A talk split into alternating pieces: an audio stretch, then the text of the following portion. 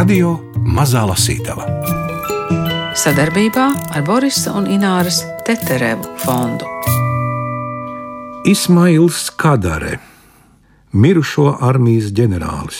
No albāņu valodas tulkojas Denis Dimiņš. Es lasīju par šo grāmatu Mirušo armijas ģenerālis, ka ir ļoti daudz tulkojumu no starpnieku valodām. Jūs tulkojāt no albāņu valodas. Tas bija pirmo reizi albāņu valodas pieredze. Nu, jā, tas man ir pirmais tulkojums no albāņu valodas, kur es mācos, nu jau teikt, astoto gadu. Tā kā ir jau kaut kāda pieredze uzkrāta un drosme Bet pats tulkojuma sākums, protams, tāpā vēl tajos laikos, kad varbūt es nejūtos tik drošs. Un, jo Albāņi ir maza tauta un valoda ir grūta, gramatika arī ir diezgan sarežģīta. Un tāpēc varbūt nav daudzi, kas grib lausties tajā iekšā, un diezgan daudz vienkārši tulko pa taisno no angļu valodas vai no franču valodas. Bet kāda bija tā motivācija lausties iekšā? Vienkārši Albānija vienmēr saistījusies ar kaut ko ļoti tālu, noslēpumainu, nesaprotamu.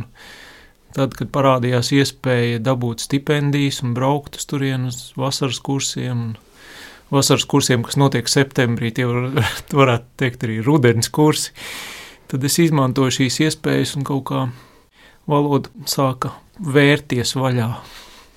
Tiem, kuriem uh, Albānija, tāpat kā man, joprojām šķiet uh, tāla un noslēpumaina, un arī albāņu valoda, kā jūs šo valodu raksturotu ar kādām līdzībām ar citām valodām vai nē? No albāņu valoda ir diezgan izolēta valoda, tāpat kā grieķu valoda. Viņai nav ne brāļu, ne māsu valodu saimē tāda noslēpumaina valoda. Faktiski lingvisti vēl aizvien diskutē par to, vai tā vispār ir indoeiropiešu valoda, jo ir ļoti daudz svešādu elementu, ir šie ilīriešu senais slānis, un kam pa vidu ir uzslāņojušies turcismi, grieķismi, aizgūmi no itāļu valodas, mūsdienās no angļu valodas, protams, un slāva aizgūmi. Tas ir ļoti interesants kokteilis. Viņš ieklausījās balsī, kas nāca no salona radioaparāta. Albāņu valoda viņam izklausījās smaga. Viņš jau vairākas reizes bija dzirdējis to kapos, kad runāja albāņu zemnieki, kas bija atnākuši palīdzēt racējiem. Arī kritušajiem noteikti bija gadījies dzirdēt šo liktenīgo valodu, viņš nodomāja. Tagad pēc visas spriežot tika raidītas ziņas, jo diktori atkārtoja pazīstamus nosaukumus - Telaviva, Bonna, Laosa. Pasaulē bija dažādas pilsētas. Viņam atkal nāca prātā dažādu valstu karavīri, kas bija nonākuši Albānijā. Dēļi, sarūsējuši dzelži, krusti, zīmes, aplam rakstīti vārdi. Vairākums karavīru bija apbedīti bez jebkādām zīmēm. Turklāt daļai nemaz nebija savas kopiņas. Viņi bija guldīti masu kapā, gluži vienkārši ierakti zemē. Bija arī tādi, kas pat neatradās zemē, bet tikai sarakstos. Viena karavīra kaulus izdevās uziet kādas dienvidu mazpilsētas muzejā. To bija dibinājuši vietējie iedzīvotāji. Pilsētas senajā pilī bija pazemes kambaris, kur atradās dažādi priekšmeti, arī kāda cilvēka kauli. Vairākas nedēļas no vietas pilsētas kafejnīcā pulcējās amatieri arheologi, kas ikdienas izteica dažādus minējumus par šiem kauliem. Turklāt divi jau rakstīja diezgan pārdrošu rakstu, ko grasījās publicēt kādā žurnālā, kad pilsētiņā ieradās karavīru mirstīgo atlieku meklētāju grupa. Tās eksperts nejauši bija iegriezies muzejā un uzreiz sazīmējis medaļonu, kas bija pie skeleta.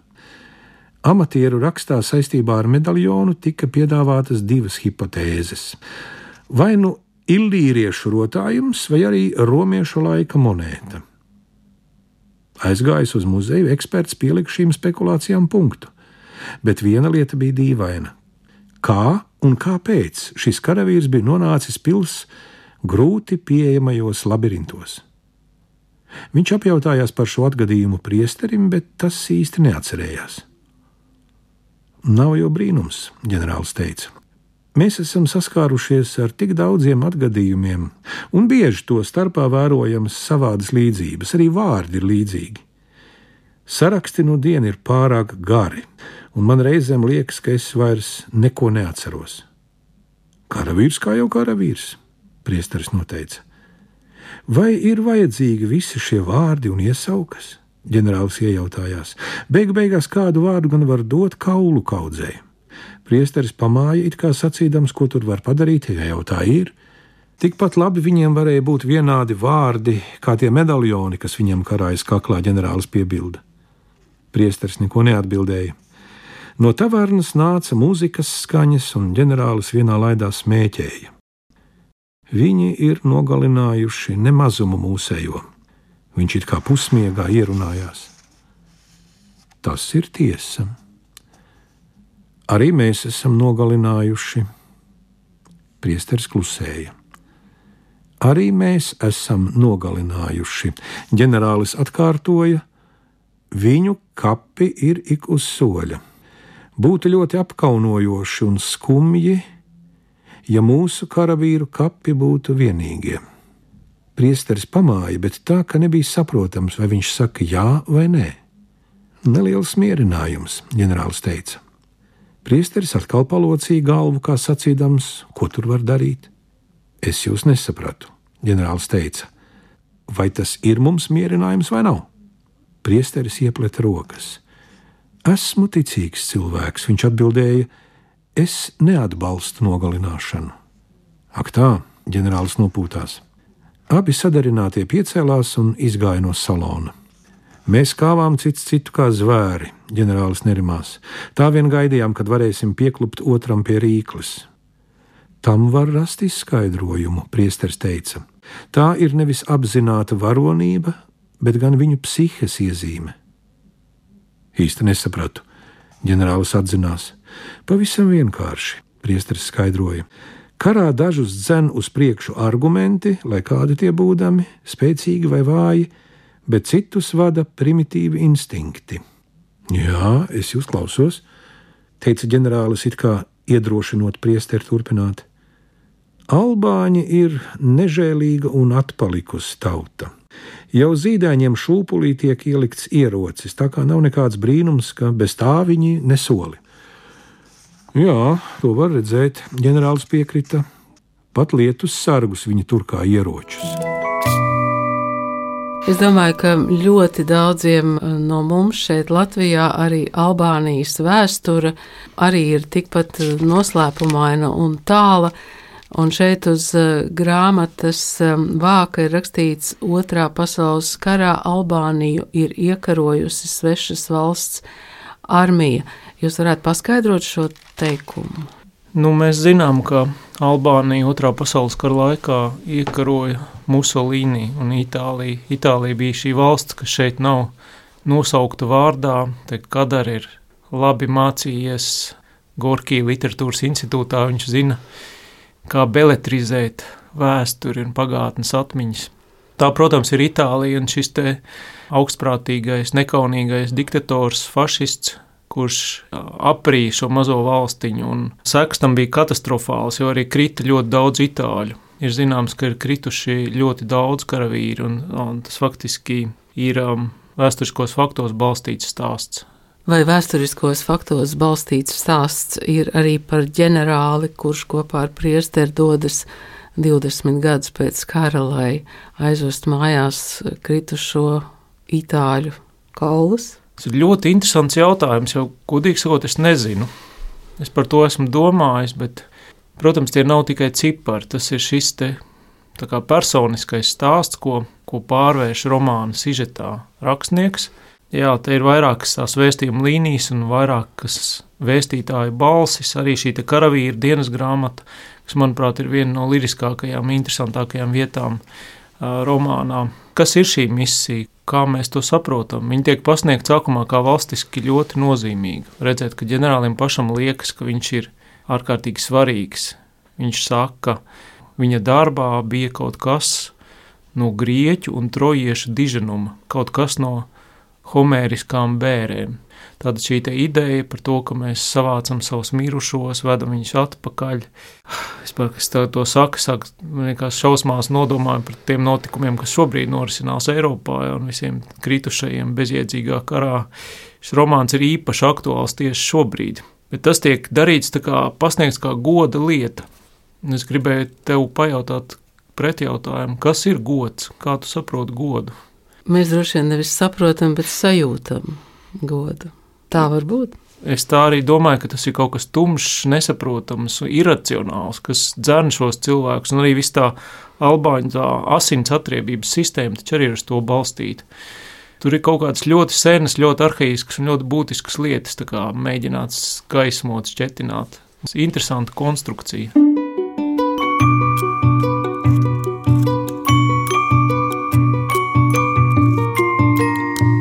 Radio Mazā Lasītava.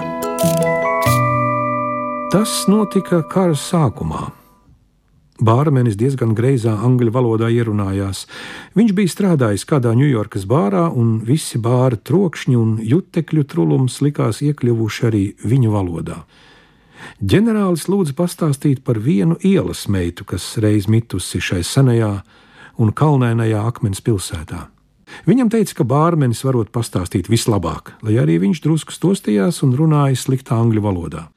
Tas nekas, kas tostās un runā briesmīgi angļu valodā, ģenerālis nodomāja, vai it viss šai lietā nav briesmīgs. Ielas meitas vārdu viņi no rīta bija pamanījuši karavīru kapos pilsētas nomalē. Viņa bija vienīgā sieviete starp visiem līdz šim atrastajiem mirušajiem. Sieviete, par kuru klīda nostāsti, tāpēc ģenerālis gribēja uzzināt, kas ar viņu ir noticis. Ģenerālis jau pa gabalu pamanīja balto kapa plāksnīti, tā vēl vairāk izcēlās starp nomelnējušajiem un satrunējušiem krustiem, kuri uz tās fona izskatījās vēl šķībāki. Arī ķiveres uz tiem likās vēl rūsainākas. Marmora plāksne, ģenerālis noteica. Kāds augsta ranga virsnieks, varbūt pulkvedis Zē. Viņa piegāja pie kapa un izlasīja uzrakstu: Kritusi par tēviju. Uz plāksnes bija rakstīts kādas sievietes vārds, uzvārds un dzimšanas vieta. Ģenerālis nevienam neteica, ka tas ir arī viņa dzimtais novads. Tas notika pašā sākumā. Bārmenis atkārtoja tādā balsī, kā runātu lielas auditorijas priekšā.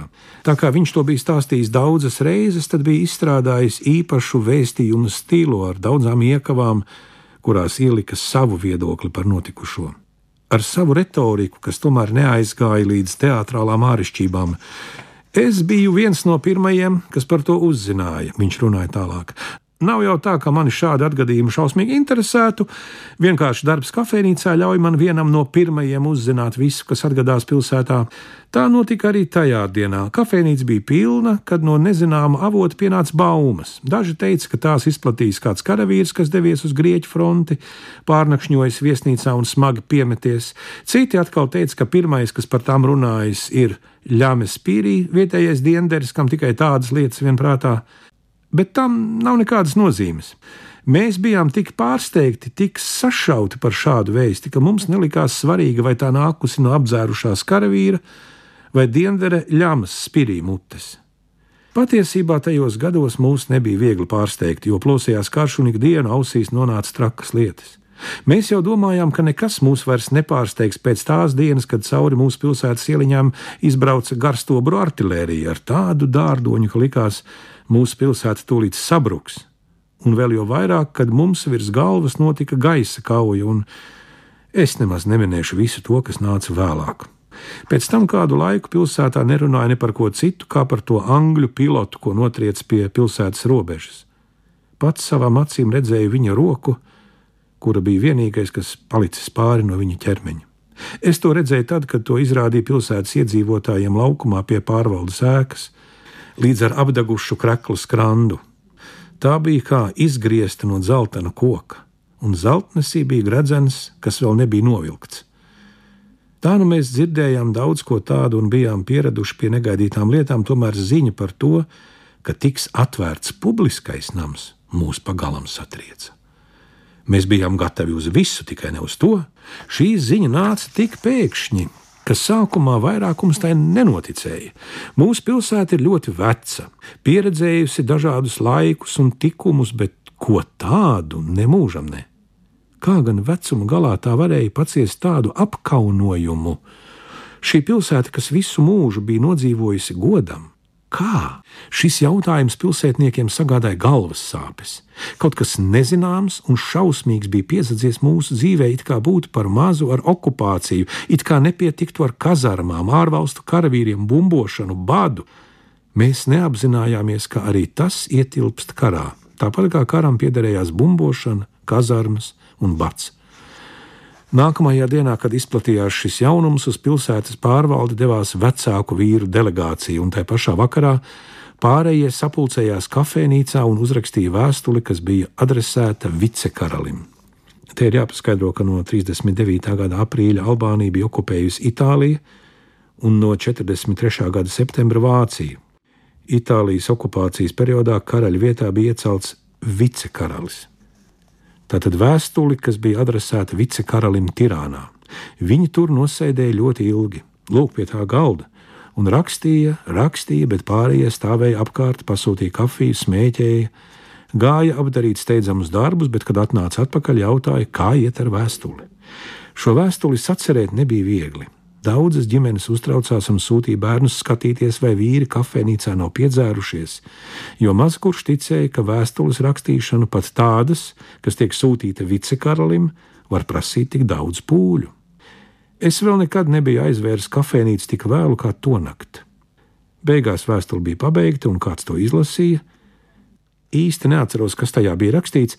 Zinu tikai to, ka daudzu iemeslu dēļ, kas tika secīgi uzskaitīti, mūsu pilsētas godīgie pilsoņi lūdza vicekarali atcelt lēmumu par publiskā nama atvēršanu, respektējot mūsu pilsētas godu, kas bija tik sens, ka neviens nespēja atcerēties, kad tas jau kad būtu ticis aptraipīts. Nākamajā dienā vēstule tika nosūtīta. Tiesa bija arī cilvēki, kuri nevēlējās, lai šī vēstule tiktu rakstīta, un kuri principā bija pret jebkuru šādu vēstuli un prasību okupantiem. Bet mēs viņos neklausījāmies un cerējām, ka kaut kas tiks izdarīts. Bija taču tikai kara sākums, un mēs daudz ko nesapratām vai sapratām aplam, un tajos laikos jau notika daudz aplamību. Mūsu lūgums tika atstāts bez ievērības. Jā, karš.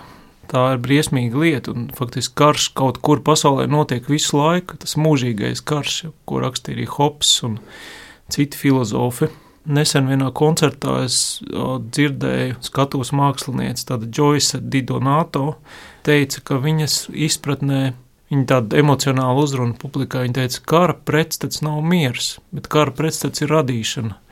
Un tieši tas, kas šobrīd notiek Ukrajinā un arī citur, kur plosās konflikti, tā ir vienkārši lietu iznīcināšana. Man liekas, ka cilvēka dabā ir ļoti destruktīvi spēki, un tas arī ir viena no tēmām, kas ieskanas šajā romānā. Tur ieskanas arī diezgan daudz tādi ironiski toņi ārpus filozofiskajiem, ārpus liriskajiem, gan par ģenerāli, gan par priesteri, gan, gan drusku arī par pašiem albāņiem varbūt.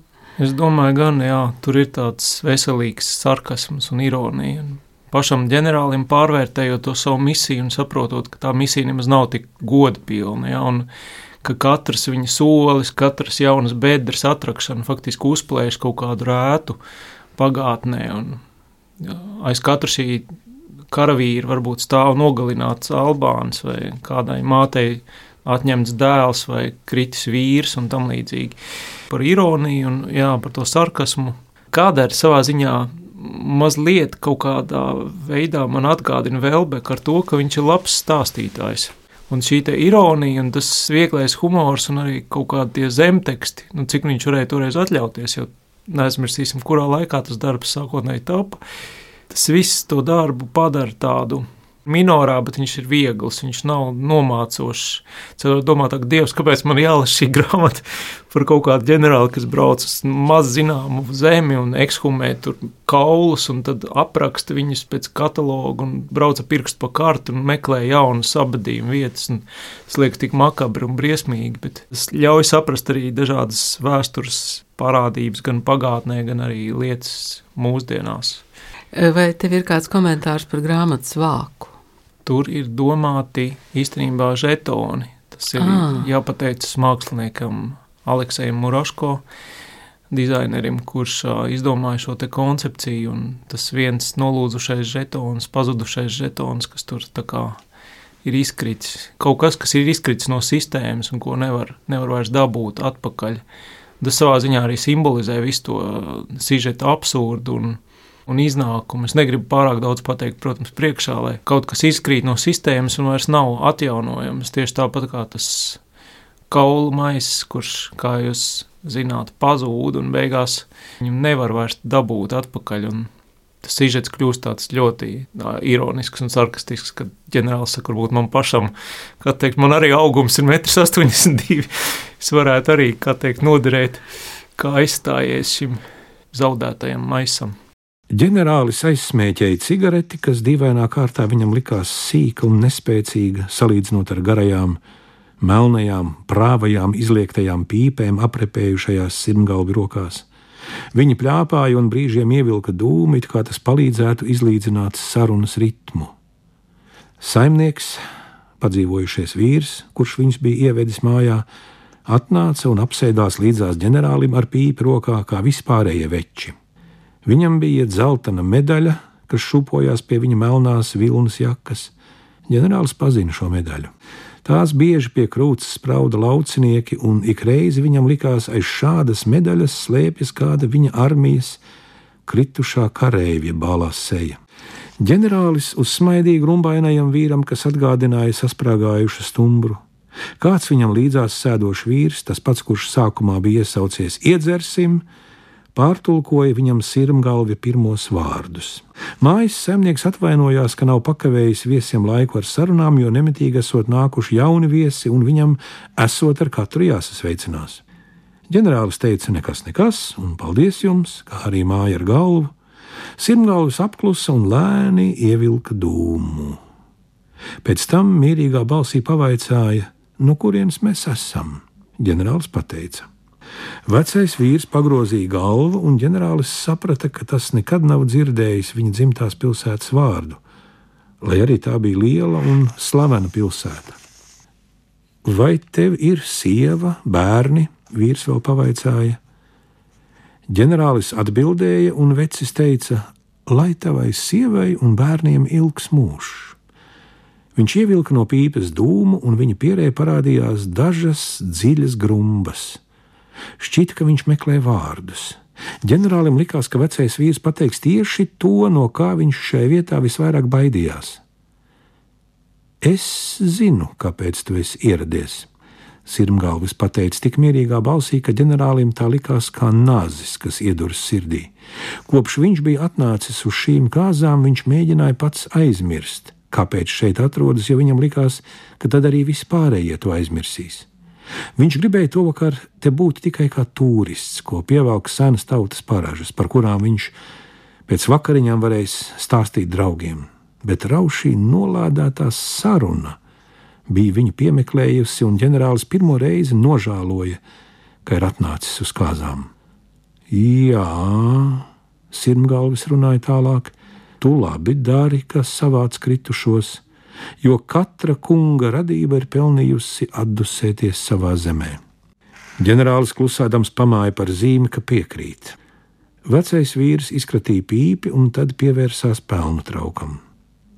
Tev patrāpījies slikts laiks, viņš teica. Ģenerālis vēlreiz pamāja, jā. Otrs ievilka dziļu elpu.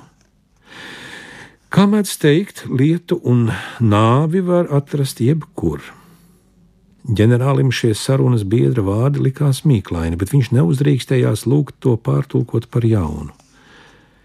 Vecais vīrs smagi piecēlās un atkal atvainojās, jo viņam esot jāsagaida un jāpavada vēl citi viesi. Ģenerālis atvieglots iedzēra. Tagad viņš atkal jutās labi. Briesmas, ka viņu kāds izaicinās, bija garām, un viņš varēja mierīgi sēdēt un dzert, cik tik vēlas. Redzat, viņš atkal pievērsās priesterim.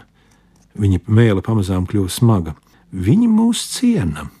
Es taču teicu, kas pagājis, pagājis. Ko jūs teicāt? Es teicu, ka šādos gadījumos tā īsti nav skaidrs, kur beidzas paraža un kur sākas cieņa. Priesteris viņam atbildēja: Ģenerāļus vienmēr ciena, viņš sacīja un iztukšoja glāzi. Vai zināt, ko es domāju? Viņš turpināja gandrīz viltīgi pieliekdamies tuvāk priestera sejai. Es varētu piecelties un drusku uzdejot. Ismails Kadara mirušo armijas ģenerālis izdevis Pētergailis un no albāņu valodas tulkojas Denis eh, Dimiņš. Par šo autoru, kas būtu noteikti jāzina? Es domāju, būtu jāzina tas, ka tas ir dzīvais albāņu klasiķis. Tas ir mūsdienu albāņu zināmākais, populārākais. Tiešām varbūt arī varētu teikt vērtīgākais autors, kas daudzkārt ir nominēts Nobela prēmijai un, un citām balvām. Nu, viņš ir tāds kā institūcija. Tas, kas islandiešiem ir Haldors Laksnes, tas albāņiem ir, ir Ismails Kadarē. Kadarē, pareizi izrunāja. Jā, Kadarē. Tā kā ar pēdējā zilbes uzsvaru. Albāņu valodā ir divi R burti, tātad viņa vārdā ir viens R, tātad to izrunā kā uh, monovibrantu. Monovibrants tas nozīmē R, vienkārši mēs latviski sakam R, Mums viņš daudzkārt novibrē. Monovibrants atgādina mazliet angļu valodas R. Kadarē. Kadarē.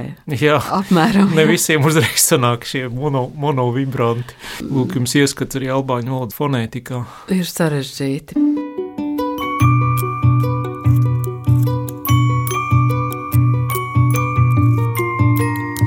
Radio Mazā Lasītava sadarbībā ar Borisa un Ināras Teterevu fondu.